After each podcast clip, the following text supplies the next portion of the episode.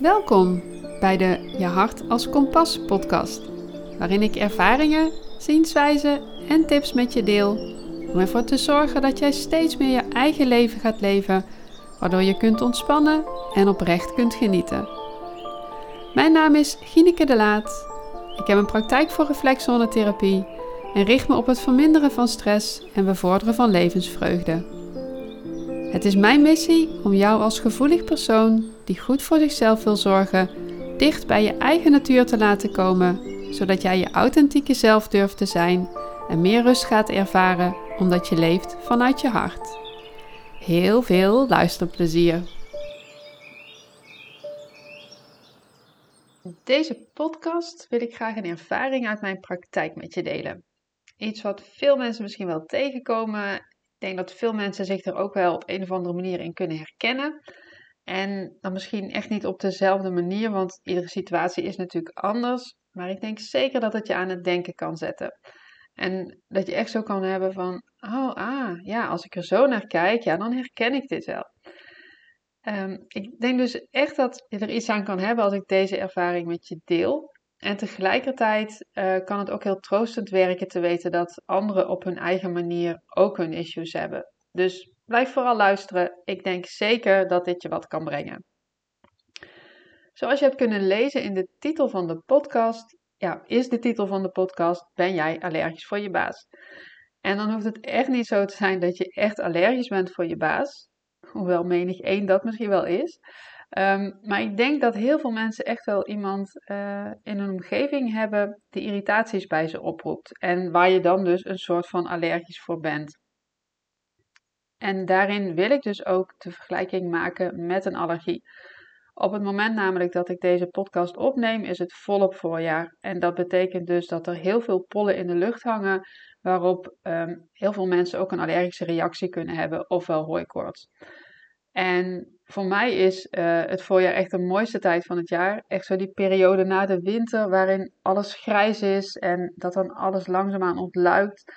Zo, eh, eerst voorzichtig begint het met wat kleine knopjes aan de bomen en daarna staat alles op springen. Eh, dezelfde knoppen die de ene dag nog eh, echt alleen knopjes aan de bomen zijn en de volgende dag zijn het blaadjes. Zodat frisse groen, eh, vogeltjes fluiten veel meer, echt op zoek naar een partner. Ja, en ik als vogelliefhebber ben dan ook iedere week weer blij als ik hoor dat een andere vogel terug is gekomen van een overwinteringsgebied. En dat ze ook weer zo druk zijn om nestjes te maken. Je ziet ze echt zo ja, af en aan vliegen met, met takjes. Um, de zon schijnt ook weer wat meer, wind ook in kracht. Dus de temperatuur wordt aangenamer. Um, nodigt ook weer meer uit om naar buiten te gaan. Het, zo in dat voorjaar lijkt alles wel meer tot leven te komen. Echt, de, ik, ik vind het heerlijk. Het zijn fijne geluiden, heerlijke geuren zo in het voorjaar. En uh, vooral zo ook op een eerste wat warmere dag of na een verfrissende regenbui, dan, dan kan het ook zo, ik weet niet, dan kun je het voorjaar echt zo ruiken. En ik, ik kan daar echt intens van genieten. Maar ja, voor sommige mensen is dit helemaal niet zo'n fijne tijd. Dan is het echt zo van, oh ja, lekker voorjaar, zonnetje. Nou ja, nee, ook uh, hooikoortspollen in de lucht, uh, zakdoeken zijn niet, niet aan te slepen. Um, maar ja, als je het nagaat, het zijn heel onschuldige stofjes, die pollen, waar mensen dus op kunnen reageren. En ze zijn ook echt nodig voor het voortbestaan van bomen, planten, van dieren. Um, uiteindelijk ook voor ons als mens. Maar ja, bij sommige mensen geeft het in het lichaam een overdreven reactie op deze onschuldige stofjes. En uh, ja, voor menigeen brengt het dus ongemakken met zich mee. Hè? Wat ik net al zei, zo van de zakdoeken niet aan te slepen. Sommigen kunnen echt uh, niezen, een, een loopneus, echt rode tranende, jeuken, jeukende ogen. Um, soms kun je misschien ook wel een allergische reactie krijgen in de vorm van huiduitslag van, van bepaalde plantjes of zo.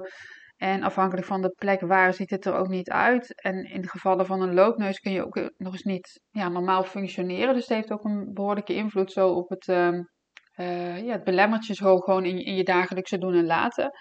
Uh, en ja, als je echt zo'n loopneus hebt of steeds maar niest of die tranende ogen, ja, dan, dan zijn zakdoeken ook gewoon niet aan te slepen. Maar wist je ook dat aan deze klachten misschien iets heel anders ten grondslag zou kunnen liggen? Naar mijn idee doet ons lichaam namelijk nooit iets om ons te plagen. Dus de kans is groot dat je al overprikkeld bent En komt daar dan nog een ander stofje bij, hoe onschuldig dat dat ook is, dan kan dat de druppel zijn. Dan kan dat gewoon het moment zijn waarop je lichaam het signaal geeft: het is te veel. En ik vind het dan heel interessant om hier op een andere manier naar te kijken. Zo heb ik bij mij in de praktijk een dame en ik ken haar al langer en zij kampte met regelmaat met allergische reacties. Een soort van verkoudheden, veel kriebels in haar neus en echt die traanogen. En na verloop van tijd stel ik haar de vraag: maar wat irriteert jou? Nou, dat was de spijker op de kop. Ze dacht er wel even zo over na en aan haar ogen was wel te zien dat ze meteen wist, maar ze had even nodig om het te laten landen en de moed te verzamelen voor het antwoord dat in haar opkwam, voordat ze dat ook echt ja, durfde te zeggen. Desondanks zei ze ja, enigszins voorzichtig en toch wel heel kordaat zo van, ja, mijn baas. En dat kwam zo uit haar tenen. En toch keek ze mij een beetje vertwijfeld aan, zo van, maar is dat dan wel wat je bedoelt? En natuurlijk had ik niet per se haar baas voor ogen, maar ja, ik was wel op zoek naar iets wat haar irriteerde en wat niet direct te maken had met haar fysieke reactie. Ehm, dus het verbaasde me niet dat zij dit toch zo kon zeggen, zo van, ja, mijn baas irriteert mij. En dan is het net zoals bij hooikoorts, dat je dan niet normaal kunt functioneren, omdat je dus bijvoorbeeld die zakdoek niet aangesleept kunt krijgen. Maar zo kon zij in het bijzijn van haar baas ook niet normaal functioneren. Alles wat deze baas zei, daar reageerde zij met irritatie op. Had een collega hetzelfde gezegd, dan had ze er misschien om kunnen lachen. Of ze had er serieus over nagedacht, omdat het wel eens een goed idee kon zijn. Maar zo gauw dat haar baas iets zei, dan was eigenlijk niets goed.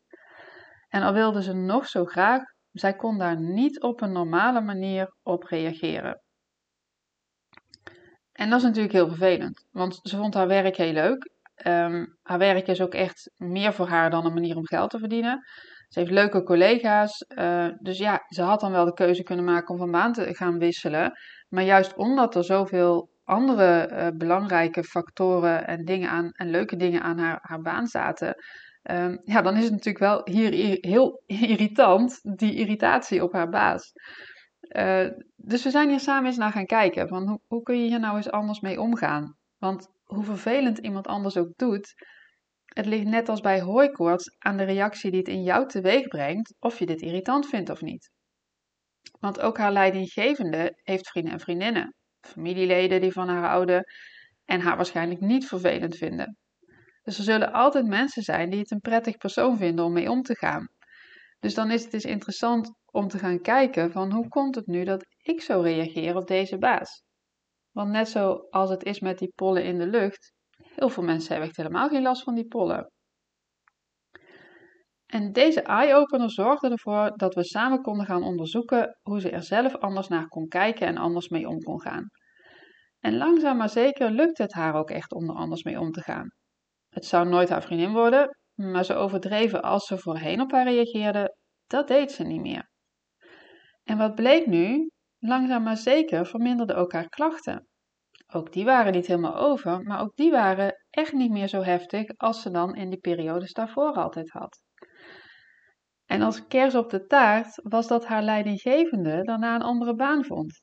Nou ja, sindsdien zijn haar verkoudheden en de kriebels in de neus echt helemaal verleden tijd.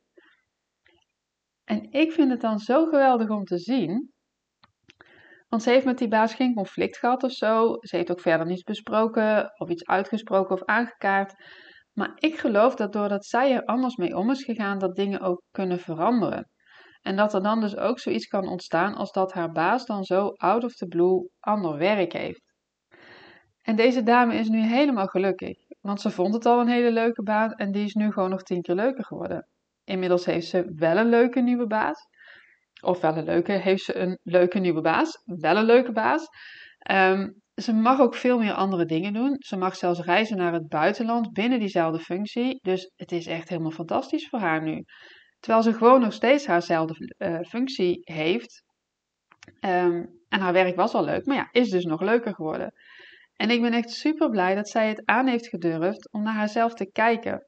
En ik vind het ook echt super mooi om te zien wat dat dus allemaal voor gevolgen heeft. Ze heeft haar eigen invloed op zichzelf toegepast en dat heeft uiteindelijk uitwerking op andere vlakken gehad. Nou ja, ik dacht toen, dit ga je gewoon met je delen. En ik hoop dat deze podcast je geïnspireerd uh, kan hebben. om eens op een andere manier naar een voor jou vergelijkbare situatie te kijken. En om die vergelijking dan ook even door te trekken naar het voorjaar. Als je een pollenallergie hebt, dan kun je binnen blijven en wachten tot de pollen zijn overgewaaid. Hoe fijn zou het zijn als je juist kan genieten van het wonder van die ontluikende lente, gewoon omdat je er minder last van hebt. En dat is wat ik je gun. Dus ik hoop dat je op een andere manier kunt kijken naar situaties en daar alle voordelen van mag gaan ervaren. En mocht je nu willen dat ik met je meekijk, ik houd je graag met de nodige humor en liefdevolle spiegel voor, zodat je bij jezelf te raden kunt gaan waar je zelf invloed op kunt hebben, zodat de prikkels die er altijd wel zullen zijn, geen belemmering meer voor je hoeven zijn om jezelf te kunnen blijven en vooral te kunnen genieten.